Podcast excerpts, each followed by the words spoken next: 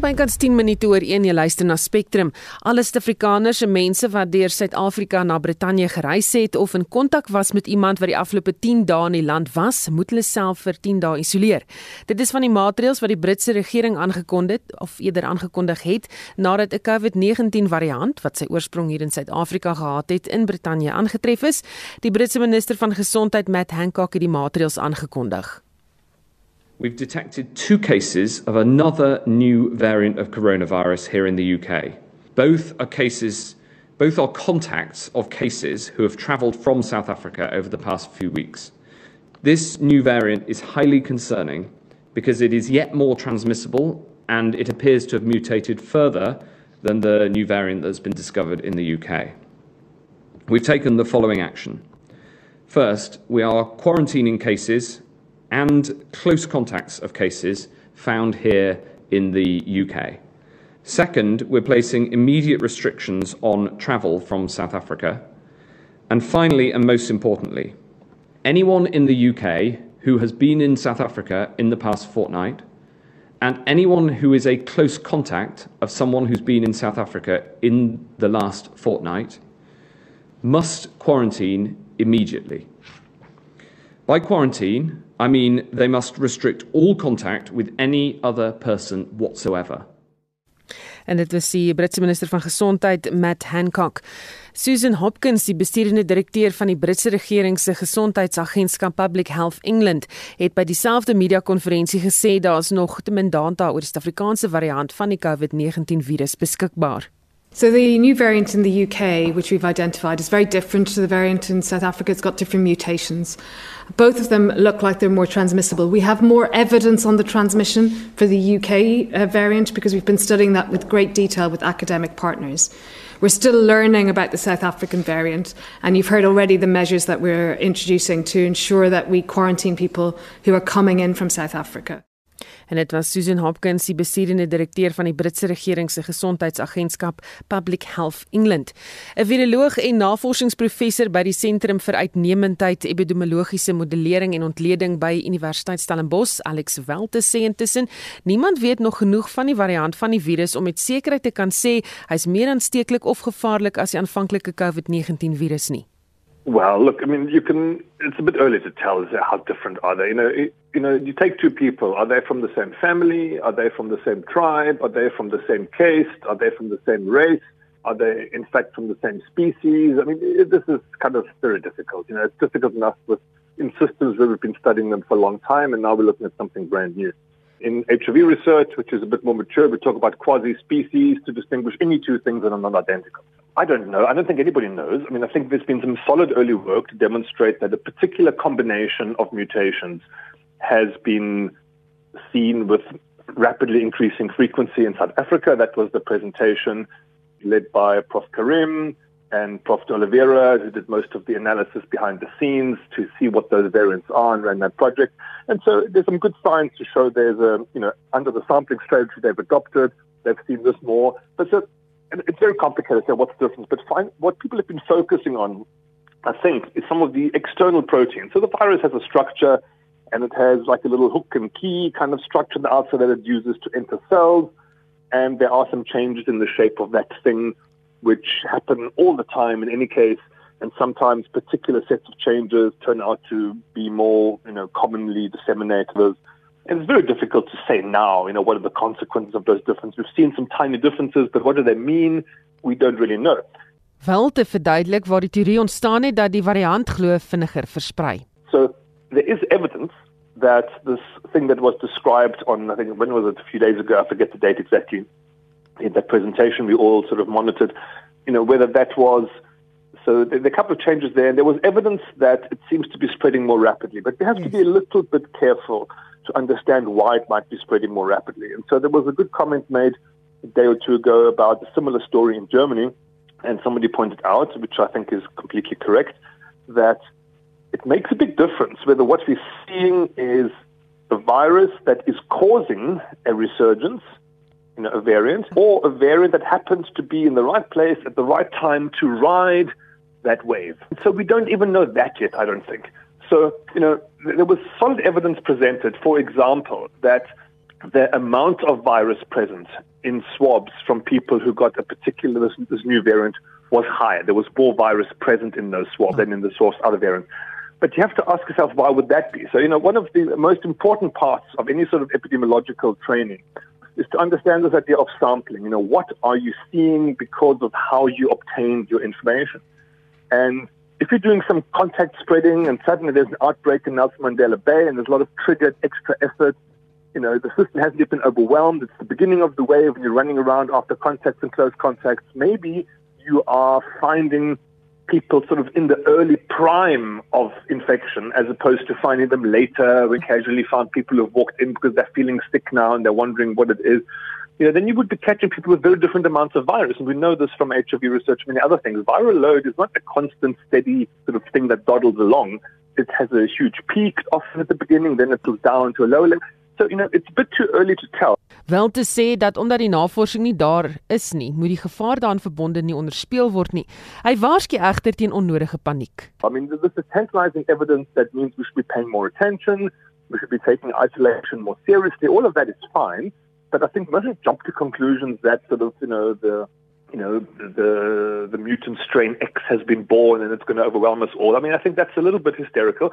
I think the UK Minister of Education is sounding a little bit hysterical, in my view. I mean, sort of shutting everything down because of, I mean, really, I think, and oh, and then he slipped in the, which is even more transmissible than this new variant that they have, which they've previously described. There's no evidence for saying that. I'm sorry. There's really no reason for claiming that this is even more transmissible than something that they've seen. They've, you know, got a much larger public health system. They've been studying their own variants. They believe they have evidence, maybe they do, that some other variant has been spreading more effectively than others, and that could be quite well founded. But now to say, oh, we found two cases, and based on the presentation we saw of the first sort of revelation of a new strain, we know that this thing is even worse than what we have. Now we're going to shut the borders to keep, you know, I don't know. This sounds a little bit like it's somebody else's fault. Would not take that seriously for one second. Walter is van mening dat Brittanje self nie die pandemie behoorlik bestuur het nie en dis nie kan vingerwys na ander lande nie. Yeah, but I mean, but they've been mismanaging the situation at some level in any case. And this is a political figure, not a scientist in his, you know, scientist hat speaking. So I would really take all with a grain of salt. In this case, maybe even be a bit derisively dismissive. En dit was 'n viroloog en navorsingsprofessor by die Sentrum vir Uitnemendheid Epidemiologiese Modellering en Ontleding by die Universiteit Stellenbosch, Alex uh, Alex Welte, en hy het vroeër op SFM gepraat. En om uh, vir haar gedagtes oor die verwikkelinge met ons te deel, praat ons nou met Dr. Angelique Kutse, die voorsitter van die Suid-Afrikaanse Mediese Vereniging. Goeiemôre Angelique. Goeiemiddag en 'n goeiemiddag aan al jou luisteraars daar buite. Jou reaksie op die Britse regering se persverklaring oor die virus wat daar kop uitsteek. Ag ek lag net want weet jy wat ek dink as hy dink daar's net twee twee mense wat wat in sy land is wat wat hierdie virus het dan ek nuus vir hom daar's baie meer hy moet net beter gaan soek. Ehm um, die ding is jy kan nie die virus stop nie of hy nou of hy nou deur Suid-Afrikaners in Engeland toe gaan en of die Engelse hiernatoe kom en of ons almal saam Ierland toe gaan, die virus gaan waarever hy wil en saam met wie hy wil. Al wat die virus nodig het is 'n is 'n warm liggaam en daar gaan hy. Ek dink op hierdie stadium dis maklik vir die Engelse om om die vinger nou net na ons toe te wys omdat hulle self sukkel met die variant onthou hulle het ook 'n 501. Ons het 'n 501V2 en eh, weet jy, ehm um, hulle is gewaarsku deur ons ehm um, epidemioloog ehm um, uh, omtrent so in in die middel van November dat hierdie tipe variant daar is dis nie asof hulle dit nooit geweet het nie. So, ehm um, hulle is al 'n bietjie laat. Ek dink hulle is 'n bietjie agter die tyd. So om nou hulle grense vir Suid-Afrika toe te maak, dink ek jy mors eintlik nou jou tyd. Maar ehm um, dit is jy, jy weet dit is nog steeds altyd belangrik dat ons seker maak dat ons eie mense nie deur ander mense beskuldig word en ander lande beskuldig word dat ons is nou die oorsaak daarvan nie. Maar ek kan jou beloof daar's definitief meer as twee mense. Ja, jy, jy praat nou van ander nasies of ander mense wat ander beskuldig. Jy weet uh, wie weet ons nog genoeg oor die siekte om sulke verklaringe te maak en dan nou letterlik 'n ander nasie as te ware die skuld vir die virus te gee. Nee, ons weet nie genoeg van hierdie virus. Hierdie virus ehm um, ehm um, verander redelik baie sy, sy of nie verander redelik baie nie. Daar's 'n redelike klomp variante van hierdie virus.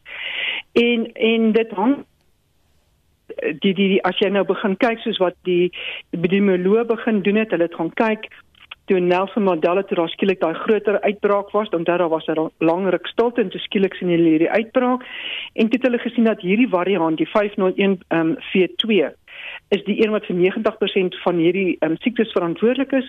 Dit hulle verder gaan soek en ehm um, agtergekom dat hy uh, sy sy proteïens of sy bindingsdomein wat hy het kan hy op drie maniere verander. So hy kan hy 501 hê en dan's daar twee ander en ehm um, wat hy wat hy ook na toe kan verander en dit is hoekom ons sê hy hy, hy volg net die die pad van die van die res van die ander ehm um, lyne wat daar is nie. Daar en daar's 'n klomp. Ek dink daar iets soos ek praat onder korreksie, maar ehm um, lineages was daar op 'n stadium uh, veral in die eerste golf, weet ek was daar 35, so daar's baie meer as dit waarskynlik en ehm um, jy kyk nou maar na die een wat jou die siekste maak. So ander lande moet maar presies dieselfde gaan doen en gaan kyk wat tree maak hulle mense die siekste. En ehm um, jy kan nou nie sê dis Suid-Afrika sonder wat jou land die siekste gaan maak nie. En om jou land toe te maak as jy twee mense om die grense toe te maak as jy twee mense het, dis hoekom ek lag. Ek jy weet dit maak net geen sin nie. Jy weet ehm um, en daarom dink ek hulle het nie net twee nie. Hulle het waarskynlik baie meer, maar ehm um, hulle dit dalk net gaan soek. So hoe gaan jy nou die grense toe maak? Die ding is klaar daar. Hy's redelik uh, oordraagbaar. Hy hy's hy's redelik vinnig hierdie virus. Ehm um, ek moet ongelukkig ek het nou na die gesprek geluister. Ehm um, ek moet nou ongelukkig sê dat in die privaat praktyk op op algemene praktisynslevel wat op vlakke wat ons nou, wat ons sien is ons sien nou letterlik elke dag COVID positiewe mense. My een kollega het 2 dae terug op een dag 17 positiewe pasiënte gehad. Dit is dis gewone GP praktyke. En as ons hierdie sien, dan sê ek nou vir jou, hierdie virus is baie meer aansteekliker as as as sy vorige boeties en sissies wat nog steeds in die ronde is. En of dit mense meer gaan doodmaak, dit weet ons nie. Um daar is so daar's baie vrae wat ons nog nie beantwoord het nie. Maar hierdie hierdie virus is definitief vinniger as die ander virusse. Die regering hier plaaslik oorweeg dit om die inperkingsmaatreëls weer te hersien. Waarna dink jy gaan hulle kyk? Waarskynlik kyk na vlak 2. Maar jy weet, ek dink ons moet dit is goed en wel dat ons waarskynlik na vlak 2 sal kyk. Maar ons daar daar moet 'n bietjie meer verantwoordelikheid van die publiek afkom. Jy weet, ek ons is heeltyd besig om die maatreëls in te stel. Dit is soos jy stel 'n maatreël in en dan die enigste ou wat jy nou regtig kan beheer is kom ons gebruik die die die die ehm um, die restaurantbedryf. Jy kan hulle gaan gaan beheer. Jy kan vir hulle sê gaan jou lisensie wegvat. En en dan sit daai restaurant ehm um, ou daar vanaand en daar kom 10 jong mense in en hulle luister nie, hulle doen nie wat hulle moet doen nie. En hierdie ou sit daar en hy en en hy sy lisensie word weggevat oor behavior of gedrag van ander mense. So so ons kan ons kan net soveel lockdowns inbring of of grendel inbring soos wat ons wil. As ons nie ons om verantwoordelikheid te vat nie. En ek dink dit is tyd dat as jy buite uh, um, ek praat nou nie van as jy in die straat loop en jy's alleen in die straat nie, maar as jy in 'n winkelsentrum ingaan in 'n plek waar daar vier mure is en jy het nie jou masker aan nie, dink ek moet jy op die spot beboet word. Kom ons vat dan nou jou geld. Ons gaan net 'n paar keer geld vat. Dan gaan mense begin sê dat ek tog net hierdie masker opsit. Anders dan gaan ek R50 of wat ook al betaal. En ek dink dit is vermaak vir my net meer sin want ons is besig om mense wat hulle uiterste bes te probeer doen net verder analiseer want dit is maklik. Ek sê altyd hulle is easy targets. Maar ons moet die groter hoeveelheid mense daar buite wat nie ore het nie. Ehm um, ons moet hulle jy weet die, die, die, jy gooi hulle nie in 'n tronk nie. Dit is ek bedoel dit is net so belaglik. Maar kom ons beboet hulle. Kom ons sê R20 R30 R50 afhangende. En ek en, en op daai op daai spot moet jy nou maar betaal want jy het die verantwoordelikheid gevat om nie jou masker te dra nie. En ek dink dit gaan vir ons baie baie beter ehm um, beheer gee uh, oor gedrag van mense Baie dankie. Dit was Dr. Angelique Kutse, die voorsteur van die Suid-Afrikaanse Mediese Vereniging met daardie voorstel oor hoe mens mense kan uh, dwing om uh, gehoor te gee aan hierdie uh, dra jou masker en uh, was jou hande en maak seker jy is veilig.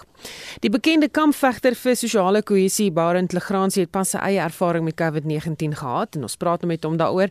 En wat se raad vir die luisteraars? Het goeiemiddag, Barend. Ja, goeiemiddag, Susan. Wanneer het jy daarvan bewus geword dat jy nie wel is nie? Dit is seker nou, maar nog nie so 2 weke gelede.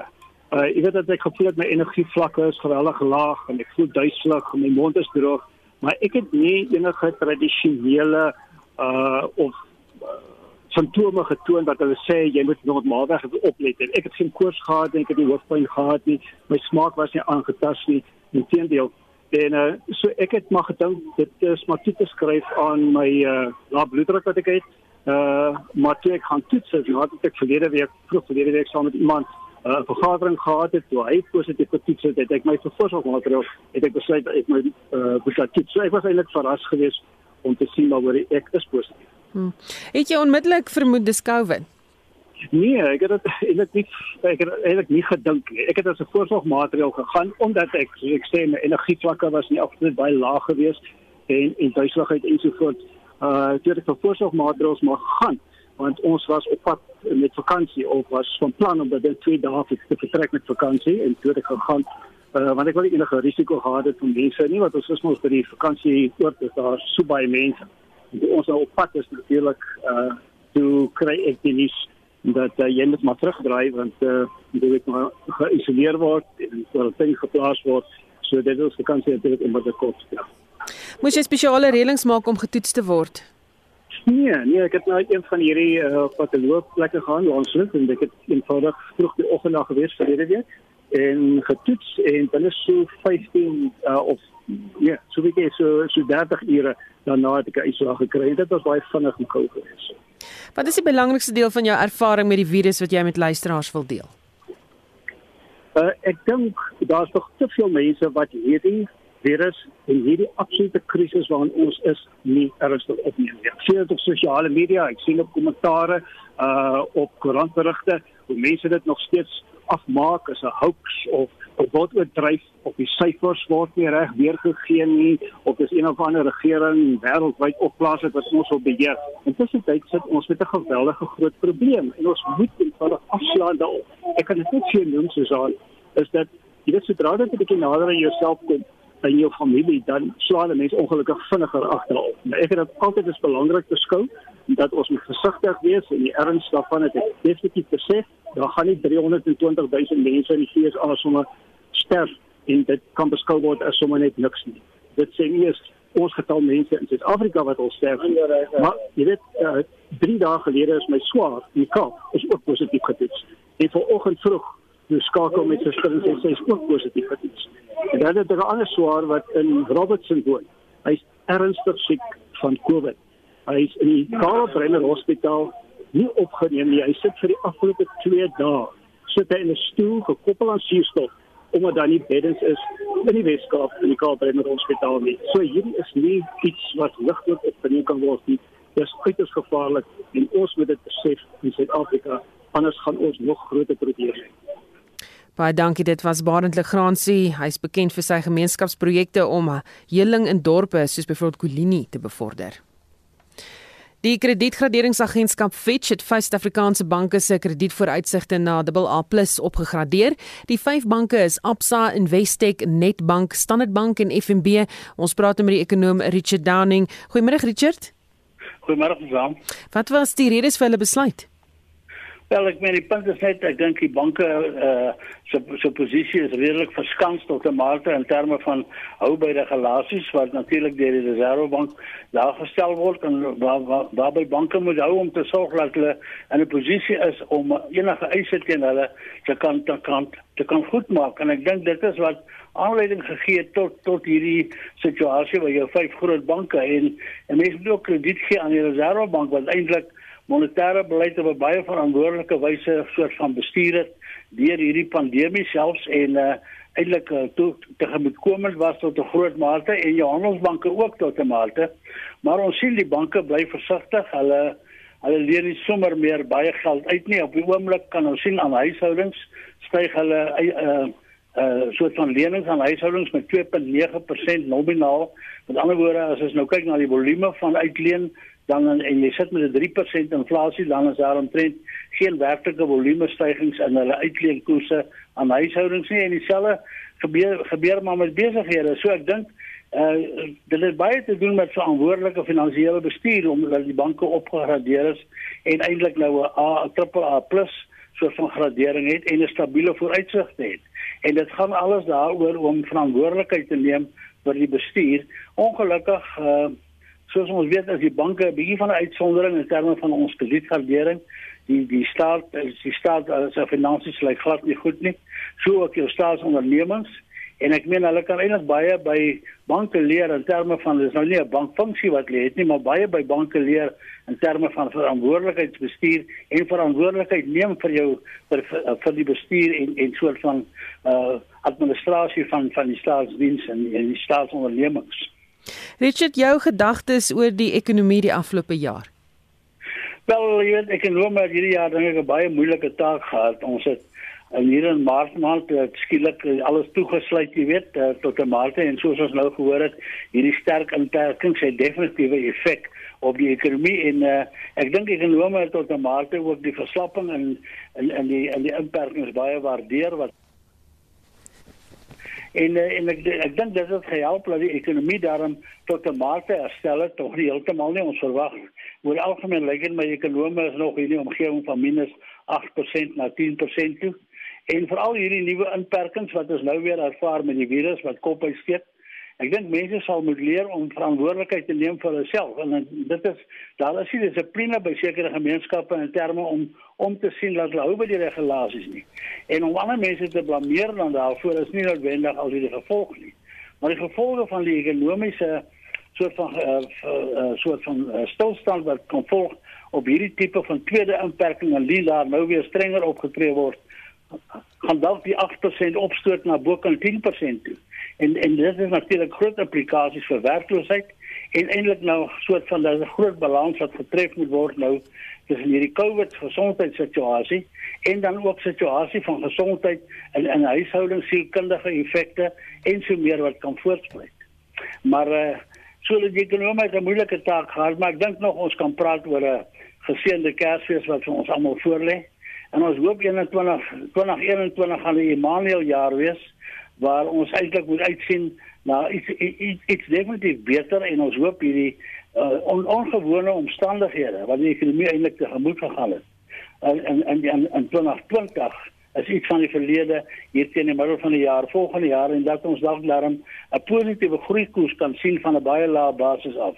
So ek dink daar is daarom so iets wat van positief is. So ekonome is nie almal net negatief nie. Ek dink die groot boodskap om weer te gee is dat ou moet maar kyk na die werklikheid. 'n Mens moet nie in 'n droomwêreld probeer leef nie. En as 'n mens dit soort van hanteer en daar binne soort van opereer, dink ek kan 'n mens nog voorspoed voorspoed kry in die jaar wat voorlê. Baie dankie. Dit was die ekonom Richard Downing.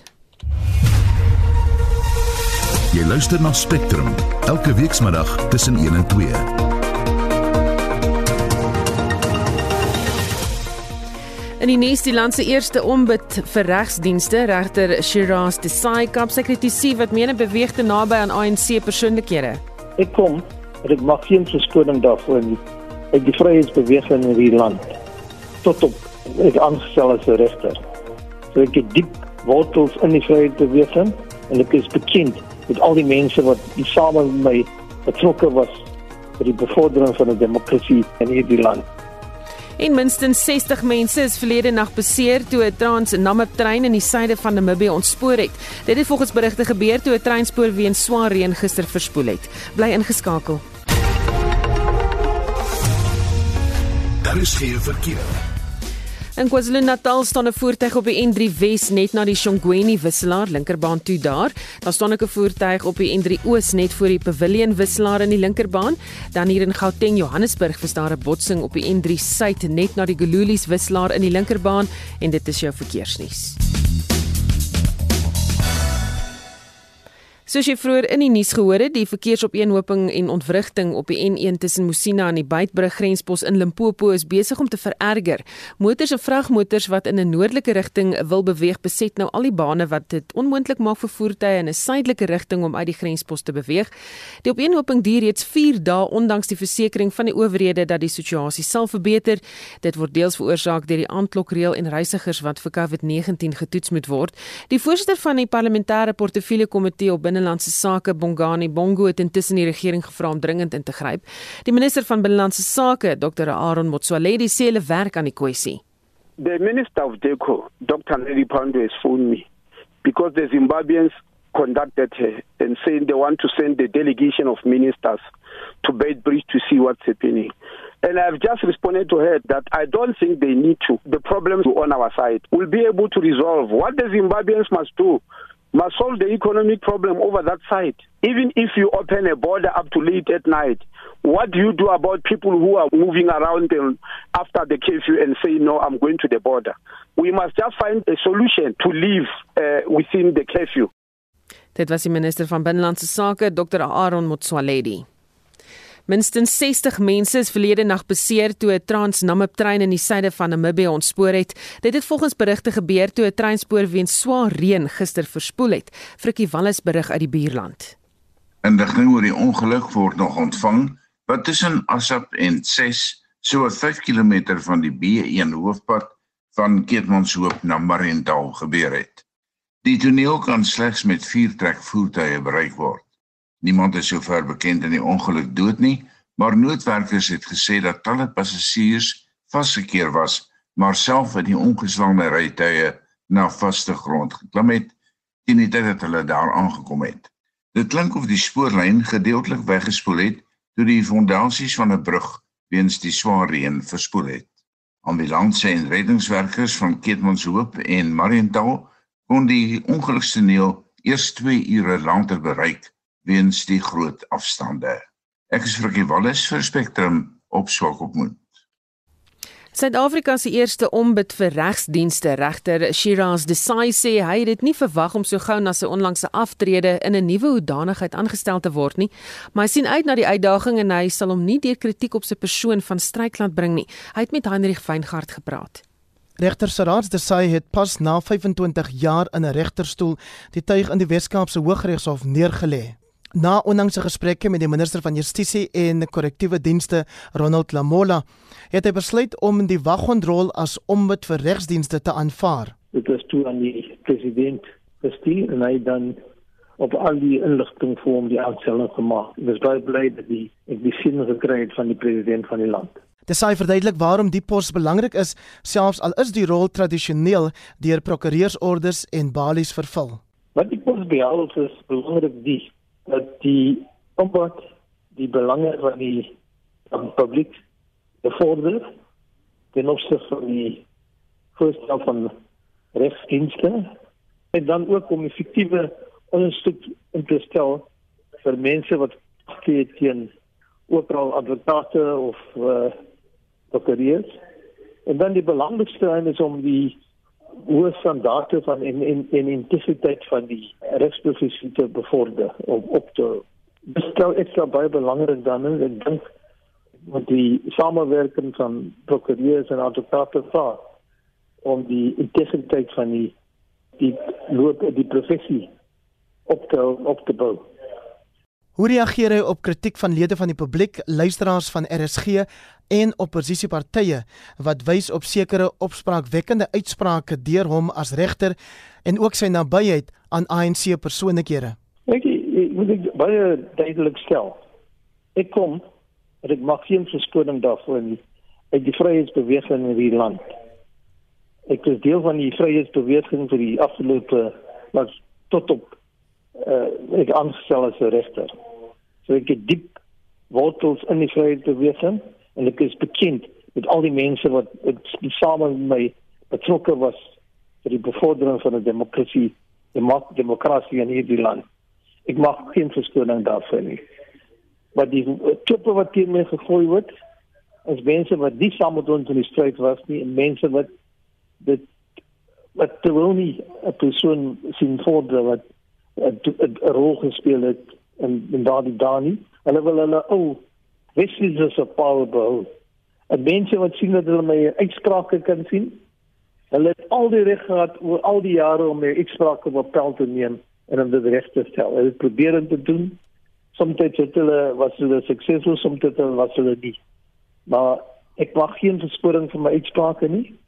As iemand ontevrede is met die onpartydigheid as 'n regter, hulle kon dit na die regsdienstelike komitee verneem of of appel aangeteken het. Dit is mense wat na klippe wil gooi wat ek sal nie eintlik sal ek nie belang in hierdie tipe kleinvierigheid nie. Terwyl afgetrede regters normaalweg lewenslank salarisse ontvang, maak die wetgewing vir die ombud vir regsdienste ook vir vergoeding vir die posbekleer voorsiening. Desai reageer op luisteraars se vraag oor of hy 'n behoorlike begroting sal hê om die nodige personeel aan te stel en infrastruktuur te skep vir die nuwe kritieke pos.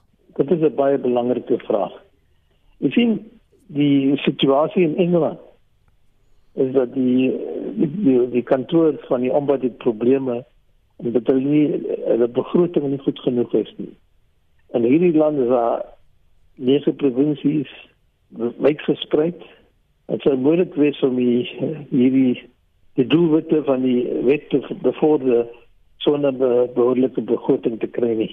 Uh, ek moet dit nog met die minister onderhandel om seker te maak dat ons 'n genoegsame begroting het. Jy weet hierdie is 'n belangrike pos om die regsprofessie in die publiek te beskerm en ons kan net dit dit doen as daar genoegsame mense saamwerk.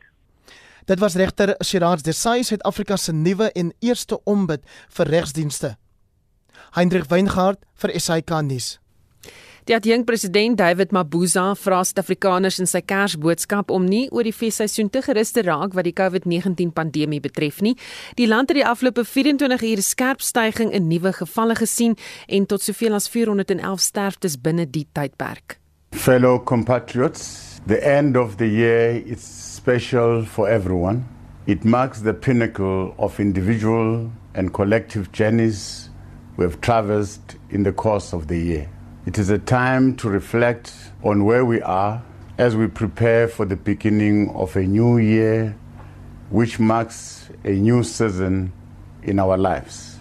It is time for all of us to joyfully reunite with our families and friends so that we rekindle love, reignite bonds of human solidarity, and celebrate the gift of life. For many, it is time for meditation, prayer, and a fulfillment of spiritual growth and the inner peace.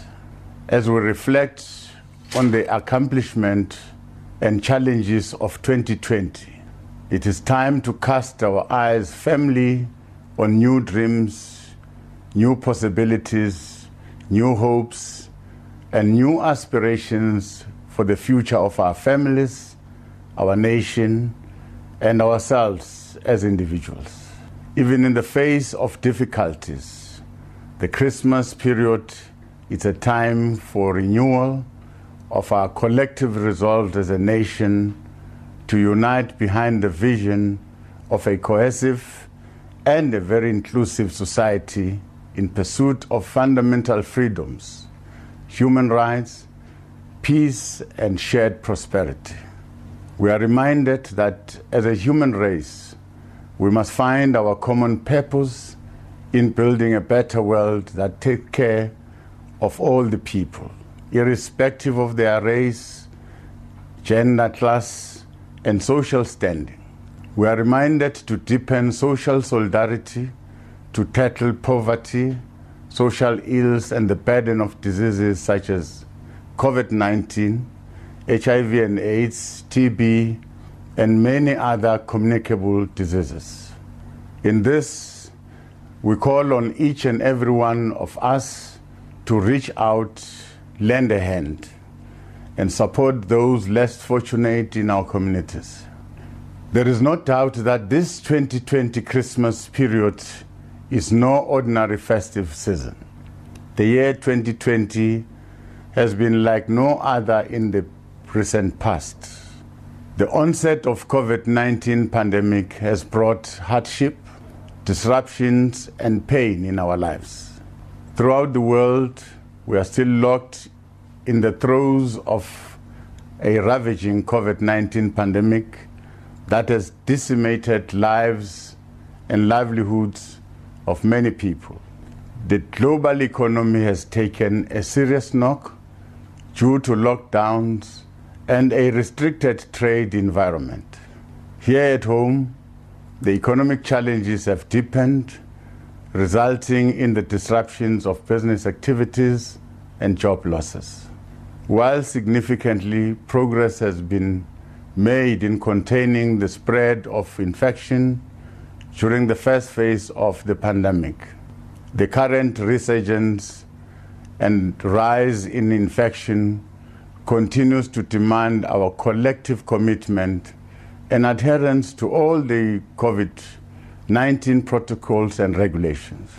We cannot afford as a nation to be complacent and let our guard down during this difficult period in our lives. As we celebrate Christmas with our families and friends, we must at all times adhere to COVID 19 regulations and protocols to ensure that each one of us takes responsibility to prevent further spread of this disease. Fellow compatriots, notwithstanding these setbacks, Christmas inspires a new season of hope, a leap into new vistas of progress and future prospects. We should not despair.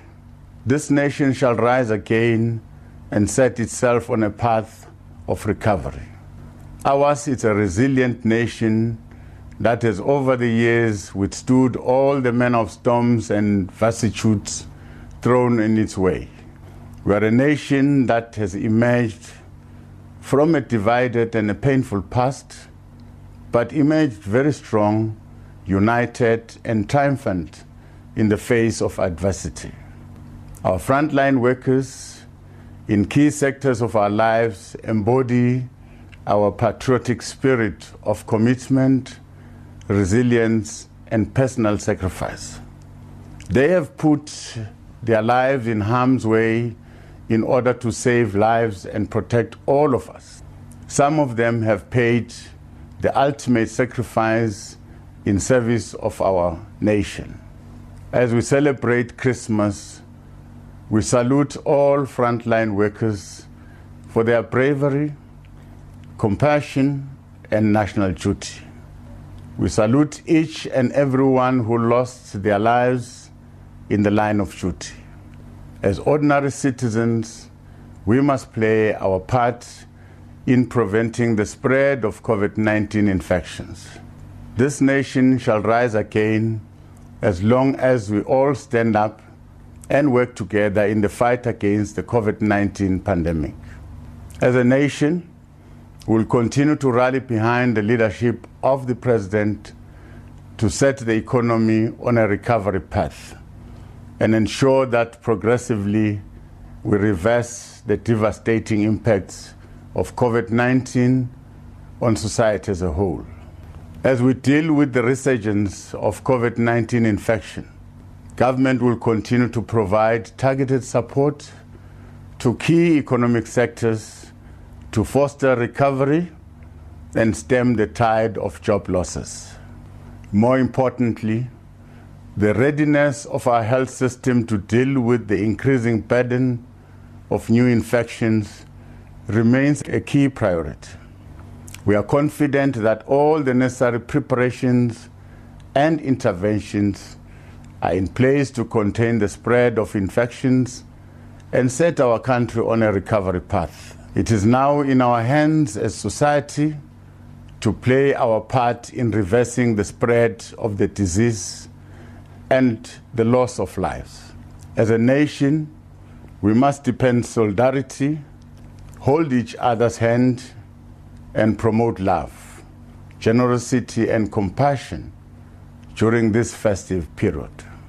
We must pull ourselves up and fight together to defeat the COVID 19 pandemic and ensure that we protect and support the poor and vulnerable people within our society.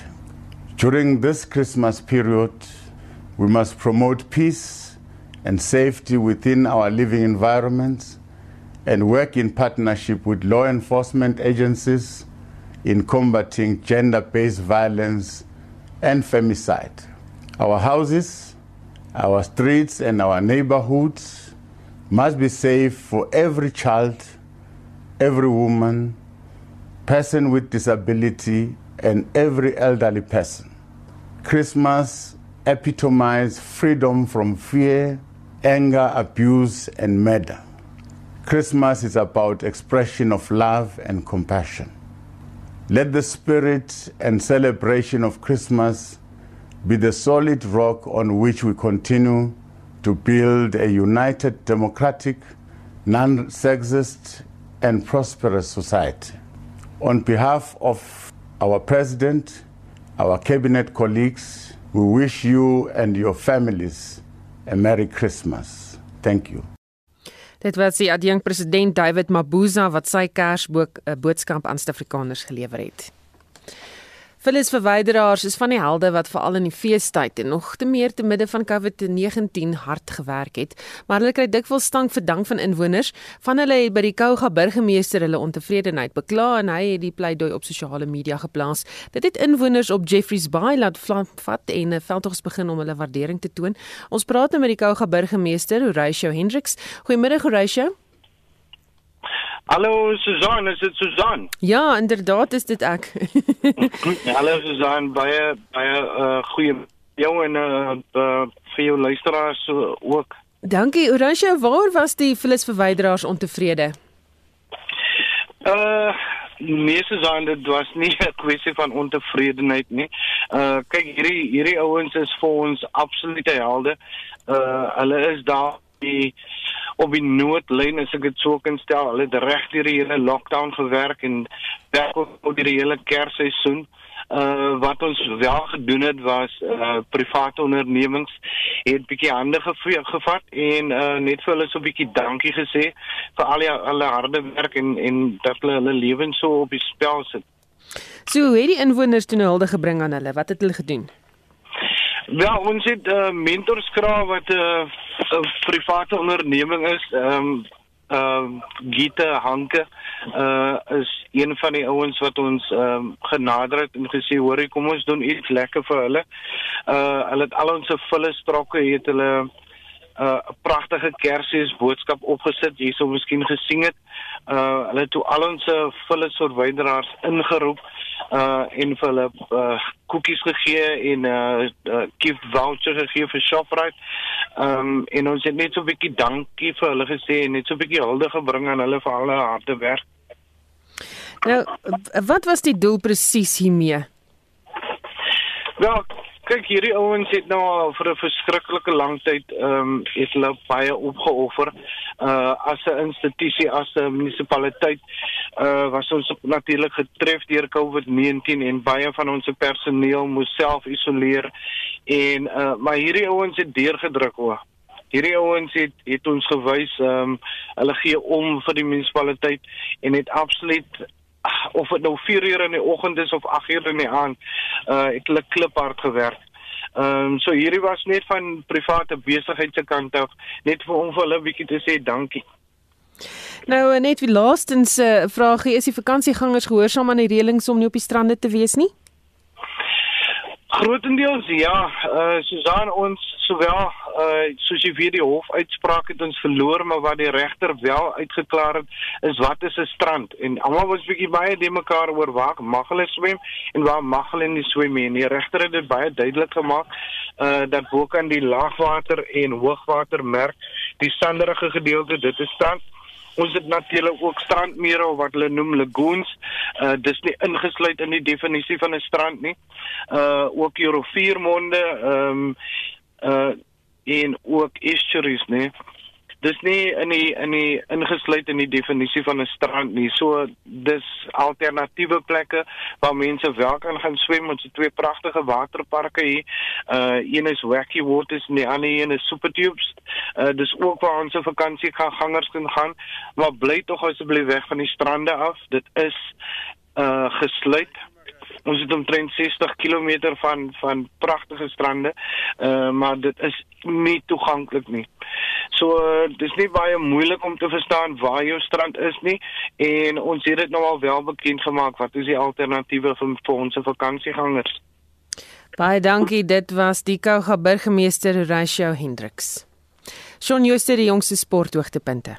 Ons begin met rugby nuus Die Vrystaatspan vir Sondagmiddag se Curriebeeker wedstryd in Bloemfontein teen die Haie is bekend gemaak. Die vleuel Roscoe Speckman is terug in die beginspan en Oupa Mohoye dra die nommer 7 trui. Die slot Karl Wegner is die kaptein. Die kragmeting skop al 5 af en RSG sal luisteraars op hoogte hou van gebeure. Tennis. Organiseerders van die Australiese Ope het aangekondig dat die veterane Roger Federer van Switserland en Serena Williams van Amerika vir volgende jaar se toernooi ingeskryf het. Federer en Williams beide 40 hoop vir hulle 9de en 8ste titels in Australië onderskeidelik. Williams kort ook nog een Grand Slam titel om Margaret Court se rekord van 24 Grand Slams te evenaar. Die toernooi slaan op 8 Februarie in Melbourne af. En laastens in cricketnuus herinner ons graag dat drie toetse Saterdagoggend afslaan. Die toetsreeks tussen Suid-Afrika en Sri Lanka begin 10:00 op SuperSport Park in Centurion en Pieter van den Berg sorg vir kommentaar en verslag gedurende die toets. Die tweede toets van die reeks tussen Australië en Indië begin half 2 Suid-Afrikaanse tyd in Melbourne met die Aussies wat 1-0 voorloop. En die toetsreeks tussen Nieu-Seeland en Pakistan staan ook vroeg daar in Nieu-Seeland af. Dit was Shaun Jooste met RSG Sport.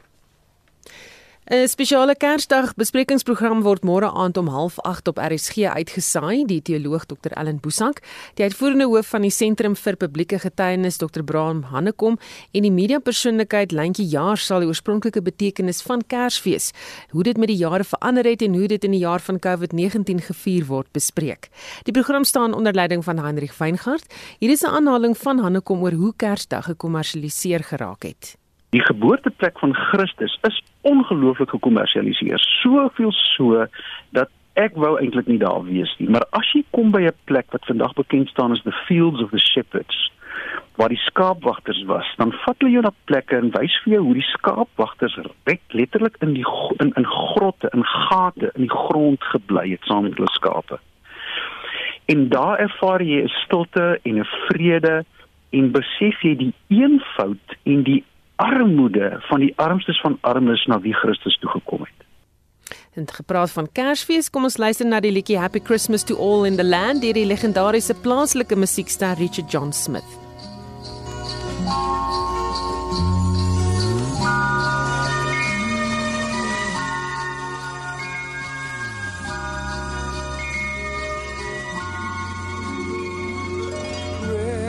Christmas comes but once a year when we all get together to sing.